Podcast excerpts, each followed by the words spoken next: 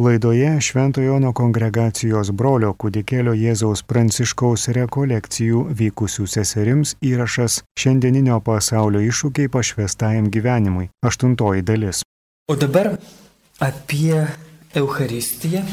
Dėl ko mums svarbu apie tai pakalbėti, nes Eucharistija yra sakramentų sakramentas, meilės sakramentas, taip ir vadinasi paskutinė Benedikto XVI egzortacija, paštinė egzortacija, kuri kurią jis išleido po vyskupų sinodo apie Eucharistiją, sinodo, kuris dar buvo Jono Pauliaus antrojo norėtas.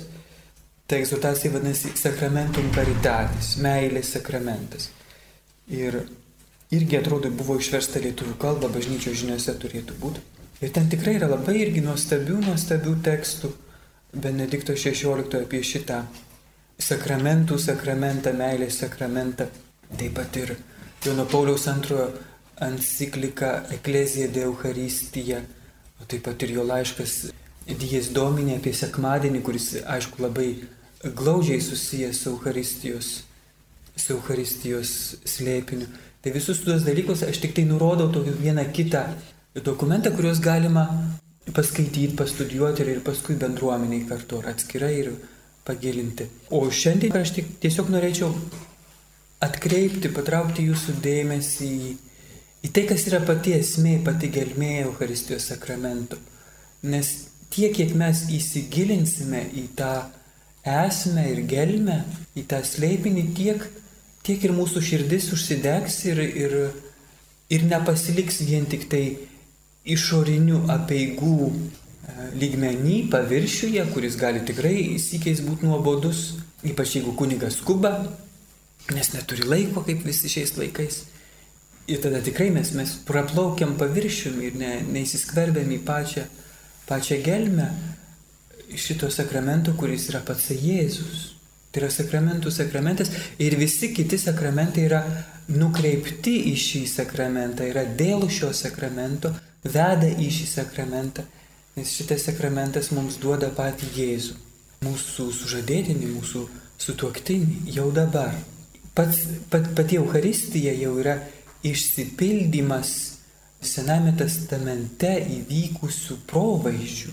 Izraelio tautos išvedimo iš vergovės namų, išlaisvinimo iš faraono, kurio kariuomenė buvo nuskandinta Raudonojoje jūroje, Nendrų jūroje. Šitie įvykiai tai buvo tik provaizdis, kas pilnai, pilnutinai įvyksta Euharistijoje, kur mes esame išvedami iš, iš dvasinio faraono vergyjos, iš piktosios dvasios vergyjos ir dalyvaujame naujojoje, tikrojoje.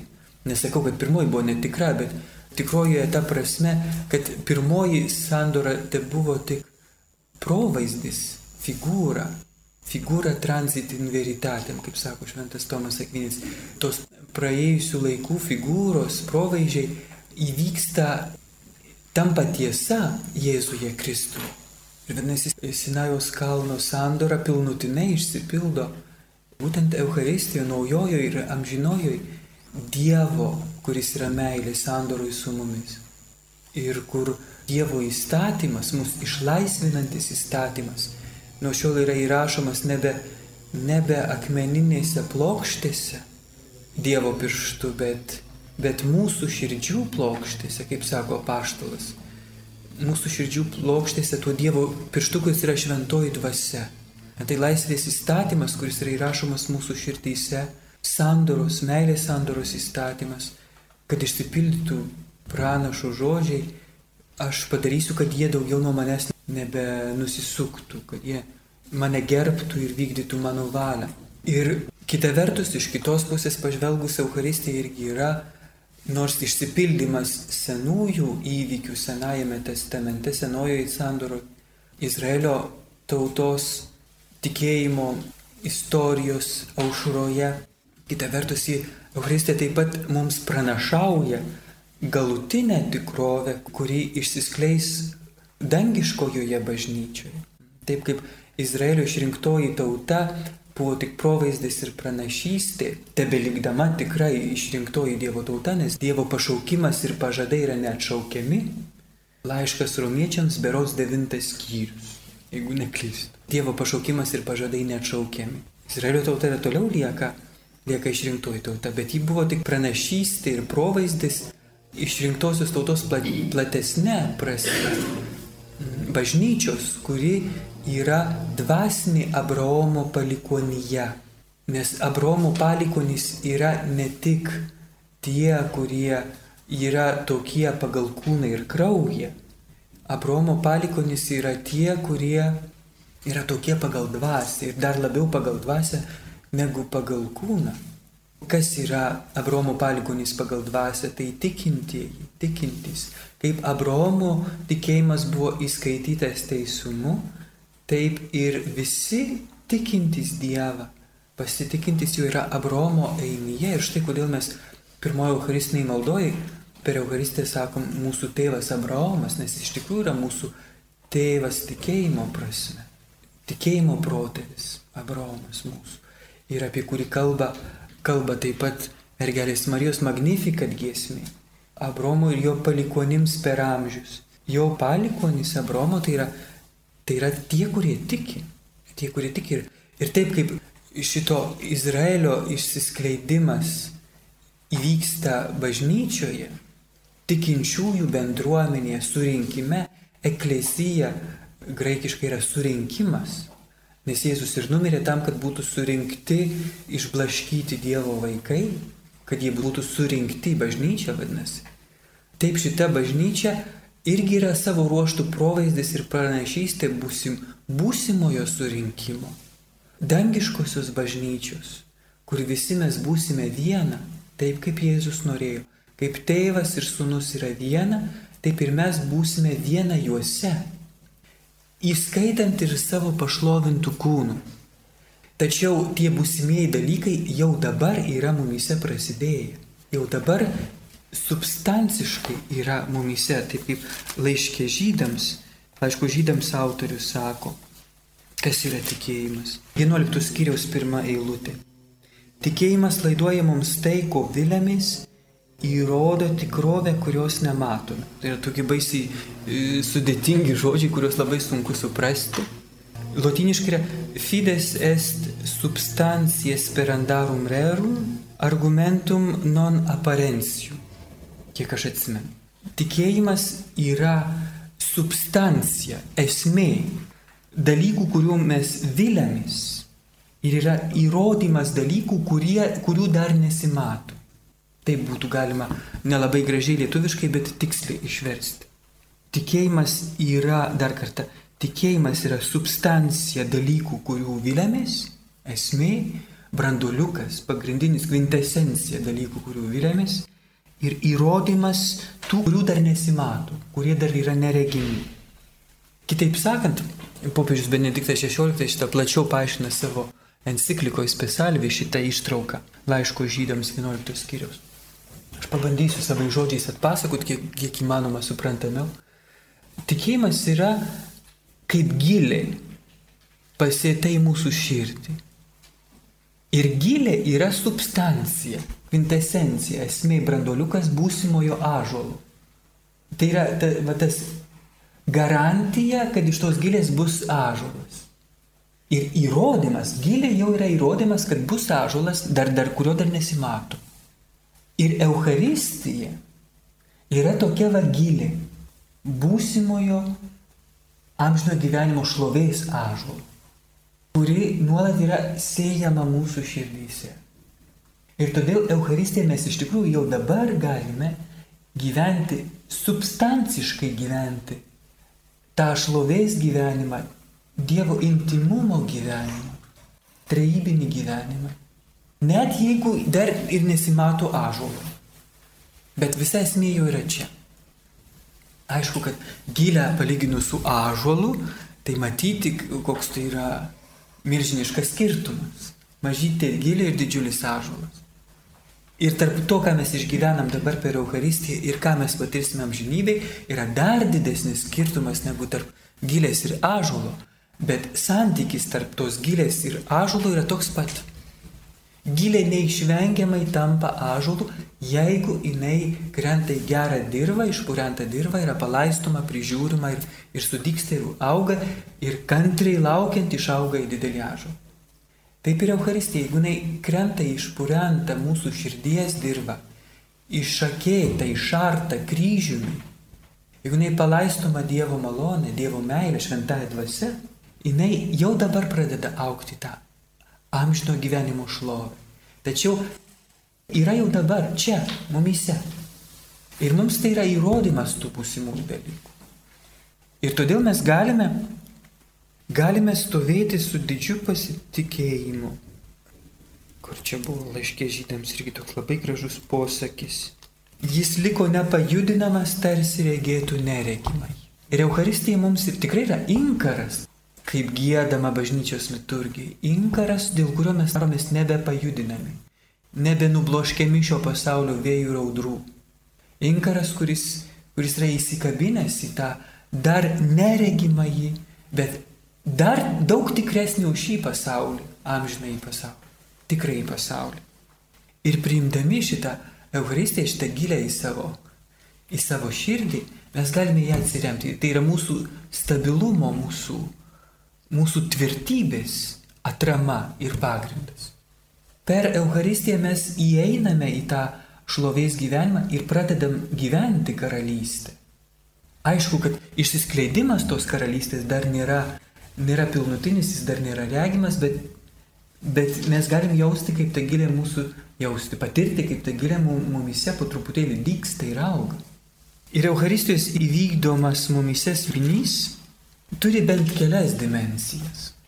Pirmiausia, kaip sakiau, tai yra išsipildymas tų dalykų, kurie tik pranašavo Euharistiją. Senajame testamente išėjimas iš Egipto sandora, Krisnaus kalno, manos dovana.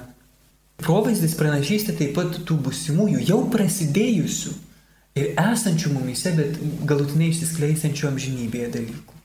Kitas aspektas yra, kad Euharistija yra kaip ta stebuklinga iš fantastinių romanų laiko mašina, kuri mus pastato kryžiaus papėdėje kartu su Marija ir Šventuoju Jonu su Marija Magdalietė ir šventosiomis moterimis.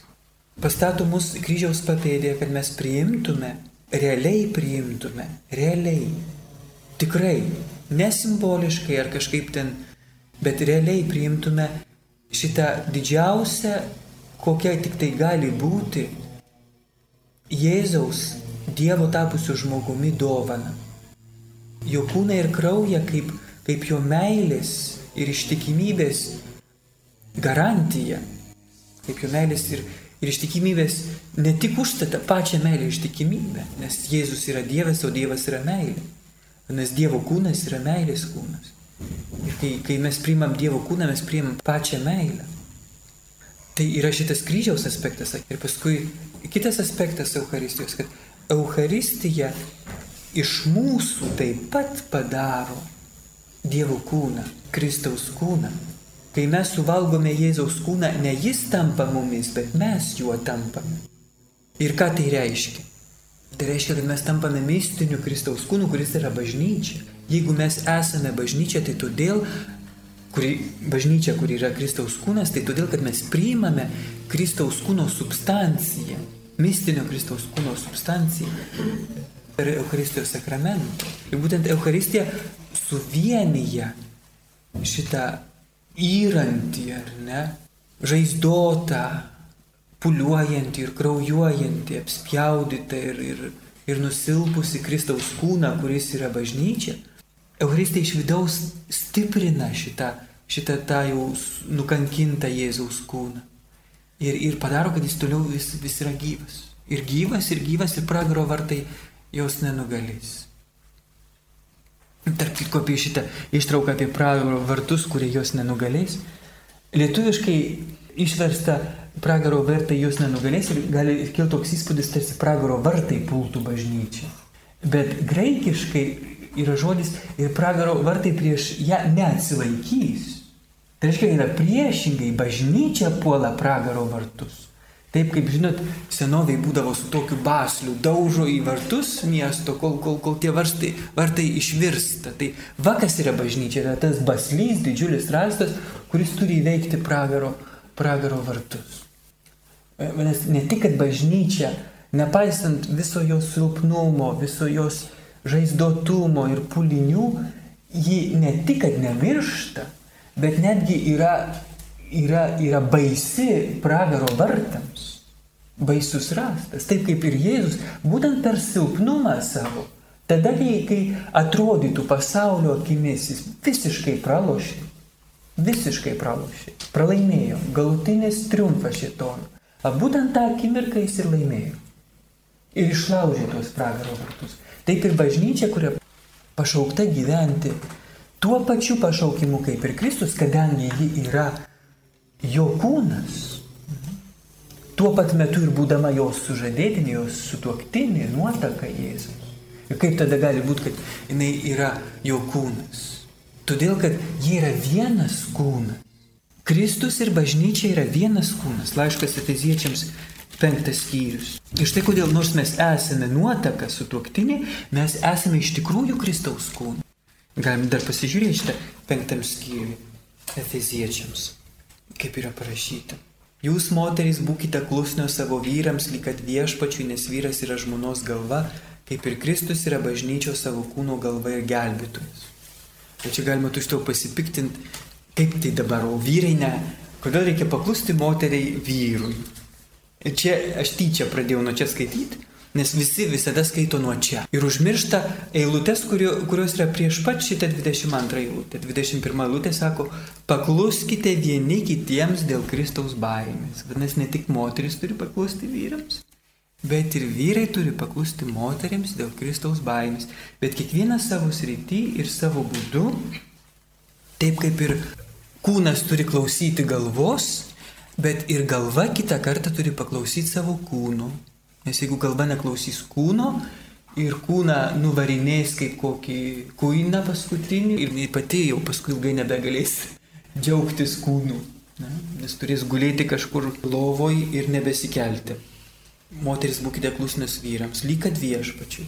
Nes vyras yra žmonos galva, kaip ir Kristus yra bažnyčios savo kūno galva ir gelbėtojas. Kai bažnyčia klauso Kristaus, taip ir moteris visame, kame te klauso vyrų.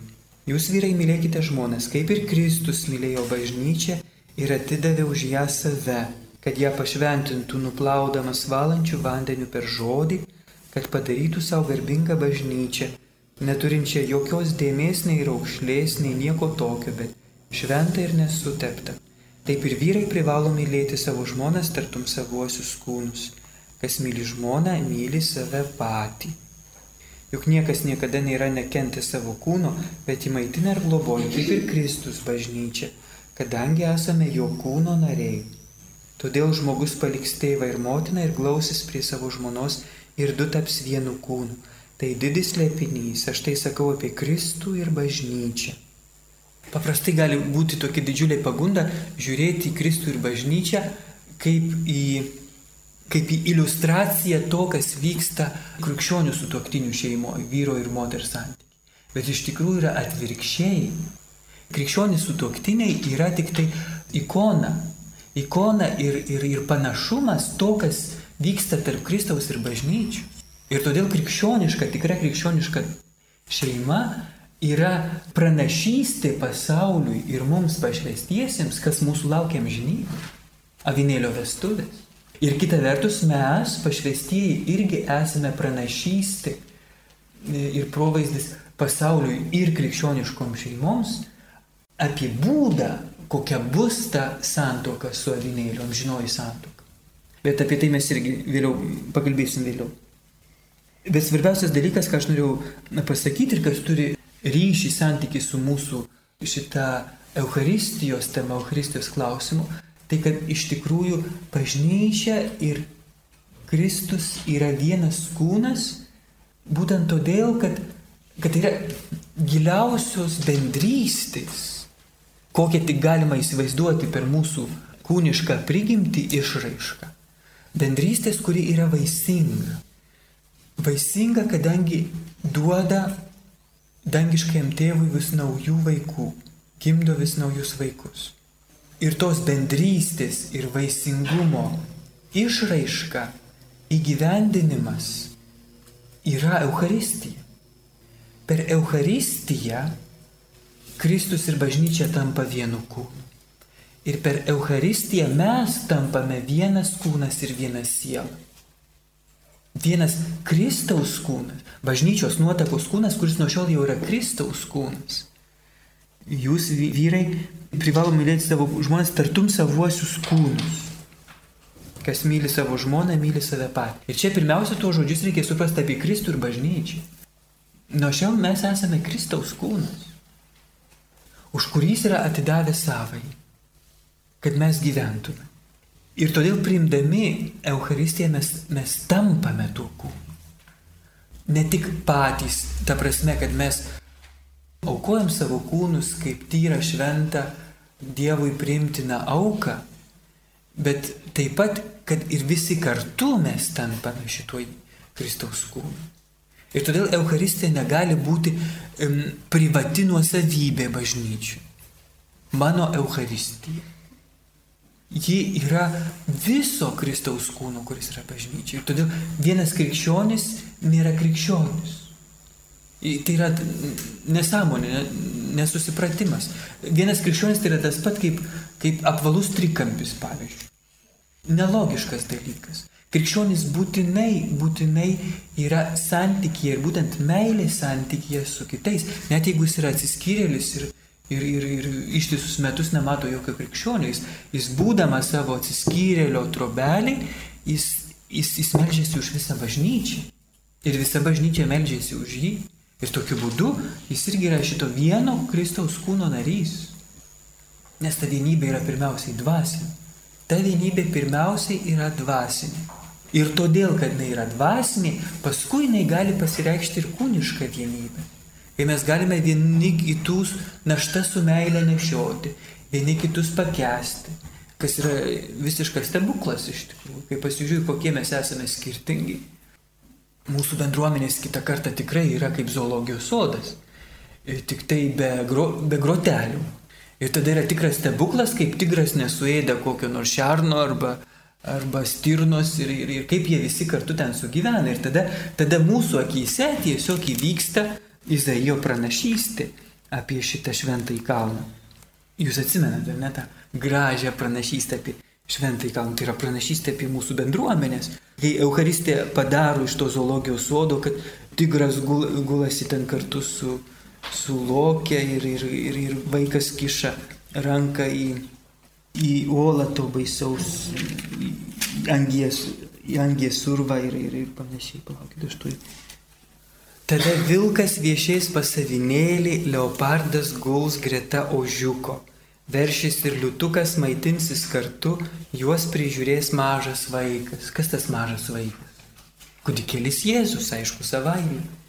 Karvė ir lokė ganysi šalia, kartu gulės jų jaunikliai liūtasės šiaudus kaip jautis.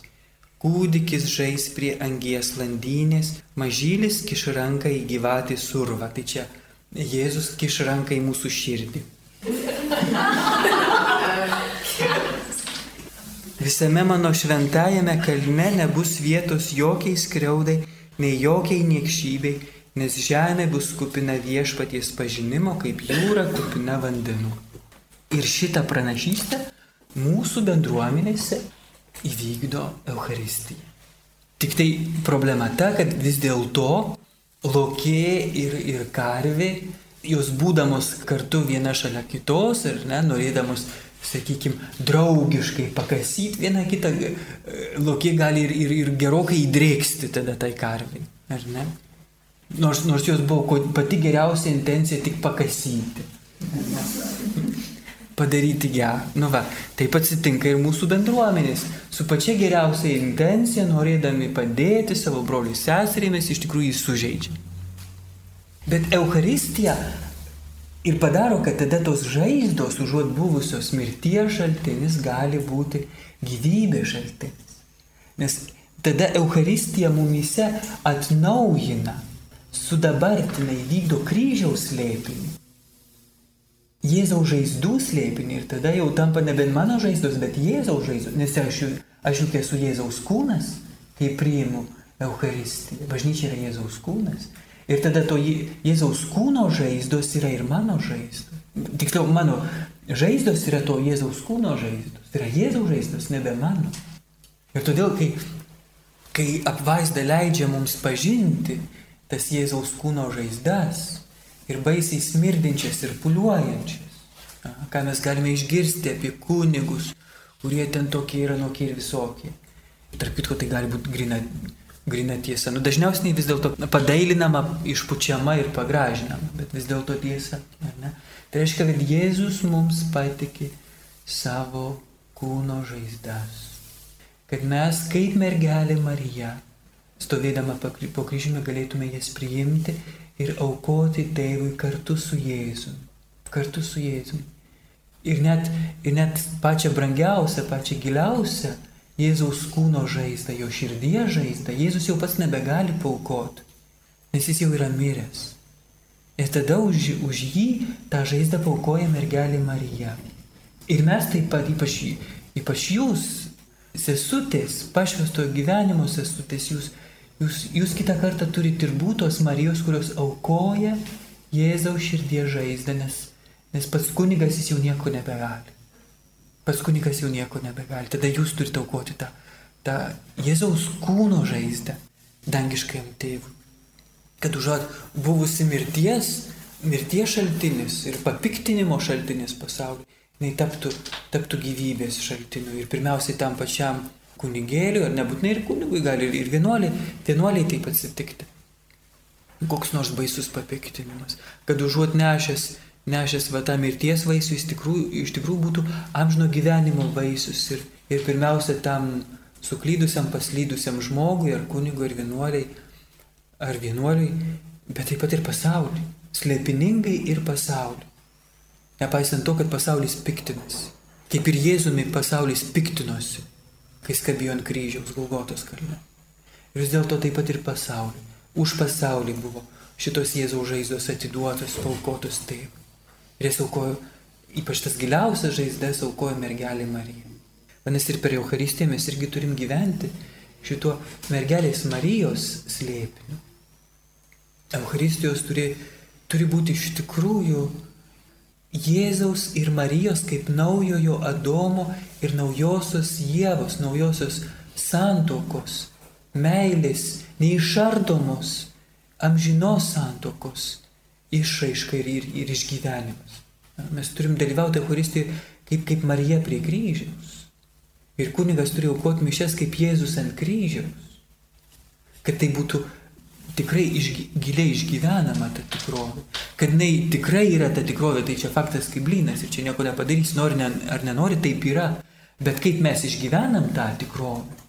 Dažniausiai irgi tik tai, tik tai palaižom pa, pačią viršūnėlę ir visiškai ne, nepasite, nepasineriam į pačią gelmę, į kurią mes galime pasinerti tik, tik vidinės maldos metu užaštrintų žvilgsniu, tikėjimo žvilgsniu.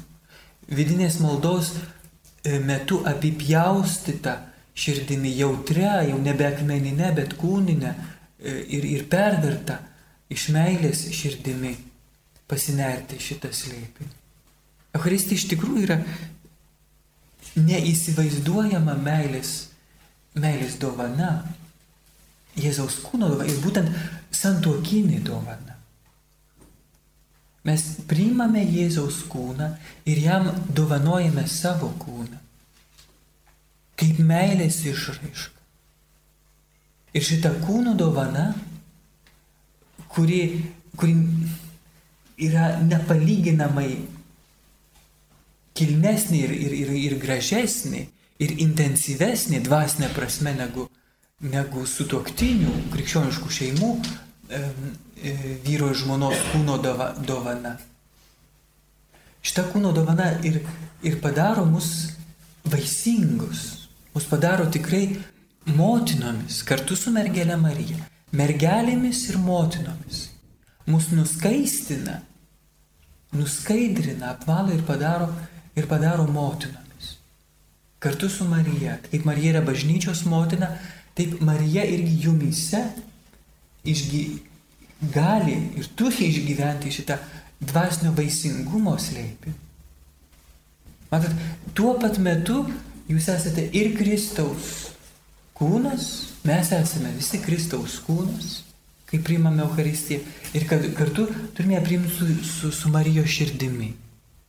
Su Marijos širdimi ir Marijos meilė, kuri yra perkeičiama į paties Jėzaus meilę. Vaisinga meilė. Ir, ir paskui dar, dar vėl sugrįžtant prie to, prie to būsimojo, būsimojo gyvenimo, amžinojo gyvenimo aspekto taip pat, kai mes, kai mes priimam Euharistiją kaip kaip paties Dievo meilę, jo šviesą ir meilę, apie kuriuos kalba Jonas pirmajam laiške. Mes, mes imame gyventi tuo busimuoju gyvenimu ir tada mumise išsipildo šitie, šitie pirmo Jono laiško trečios skyriaus žodžiai nuo pirmos eilutės. Žiūrėkite, kokią meilę apdovanojo mūsų tėvas. Meilė čia galim pakeisti žodžiu Euharistija mes vadinamės Dievo vaikai ir esame. Pasaulis nepažįsta mūsų, nes ir jo nepažino. Mylimieji, mes dabar esame Dievo vaikai, priimdami Euharistiją, tapdami Kristaus kūnu, Kristaus, kuris yra vienatinis Dievo sūnus, kadangi esame jo kūnas, mes tampame ir, ir Dievo sūnumi, mes tampame Dievo vaikai, mes dabar esame Dievo vaikai bet dar nepasirodė, kas būsime. Giliai yra, bet ažuolas dar, dar nėra išaugęs, išsiskleidęs. Mes žinome, nors neregime dar, bet žinome, tai yra įrodymas to, ko mes, ko mes dar nematome, kad kai jis pasirodys, būsime panašus į jį, nes matysime jį tokį, koks jis yra. Euharistijos prieimimas mus daro panašius į Jėzų ir, ir mums duoda malonę regėti jį, regėti jį tokį, koks jis yra. Ne tokį, kokį jį matė pilotas, ne tokį, kokį jį matė erodas, ne tokį, kokį jį matė abejojantis mokiniai, kaip, kaip Tomas iki atsivertimo, nes tik, tik, tik po to jie, Tomas pamatė Jėzų tokį, koks jis yra, kad yra Dievas, mano viešpats ir mano Dievas. Ir Euharistija mums atveria šitas akis kad mes matytume Jėzų tokį, koks jis yra. Dievą, kuris yra meilė. Meilė, kur yra dovana. Nes Dievas yra dovana. Tėvo dovana sūnui, sūnaus dovana tėvui. Ta dovana, kur yra šventoji dvasia. Ir tos dovanos įkūnyjimas yra Euharistija. Taip kaip ir žmogišką prigimti, ką mes labiausiai galime dovanoti, tai savo kūną. Intensyviausių, stipriausių būdų. Ir dar stipresnių, kai aš atiduodu savo gyvybę per kūno mirtį, žinoma. Nėra didesnės meilės, kaip gyvybę už draugus atiduoti, sako Jėzus. Tai yra pati didžiausia meilė, kokia yra įmanoma išreikšti mūsų, mūsų prigimti, mūsų kūniškoji prigimti. Atiduoti savo kūno gyvybę už bičiulius. Ir ta išraiška, pati didžiausia mūsų prigimti, yra dar per maža, kad tinkamai, adekvačiai išreikštų tą begalinę Dievo meilę. Ir štai kodėl Jėzaus širdis ant kryžiaus yra perveriama kaip apreiškimas tos begalinės Dievo meilės, kurios ne, negali sutalpinti net ir Jėzaus kūno, kūno dovana ant kryžiaus, kurią išreiškia ir įkūnija mums Euharistija. Ta širdis yra perveriama kaip vartai į tą begalinę, begalinę Dievo meilę. Kaip siaurieji vartai į į, į Dievo karalystę, meilės karalystę. Kaip giliausias apreiškimas tos dovanos, kuri yra tėvas. Ir ji mums yra duota per Euharistiją. Euharistijos sulaužimas ir išreiškia, išreiškia Jėzaus, Jėzaus mirtį ant kryžiaus. Duonos laužimas. Pirmasis pavadinimas Euharistijos kaip mokiniai laužė duoną, kaip mokiniai atpažino, Emauso mokiniai atpažino Jėzų, kai jis laužė duoną. Laužė, kitaip sakant, tas duonos laužimas išreiškė jo mirtį, atpažino jį toje dovanoje per, per, per savo kūno mirtį. Mhm. Ir aišku, kad paskui Euharistijos vaisius, kad ta dovana per mirtį už bičiulius, jinai atsispindi, ar bent jau turi atsispindėti, jeigu tinkamai priimama, į mūsų dvasę ir į mūsų kūną, jinai atsispindi taip pat ir mūsų gyvenime. Būtent Euharistija padaro, kad mes galime tada mirti, mirti savo, iš meilės mirti savo.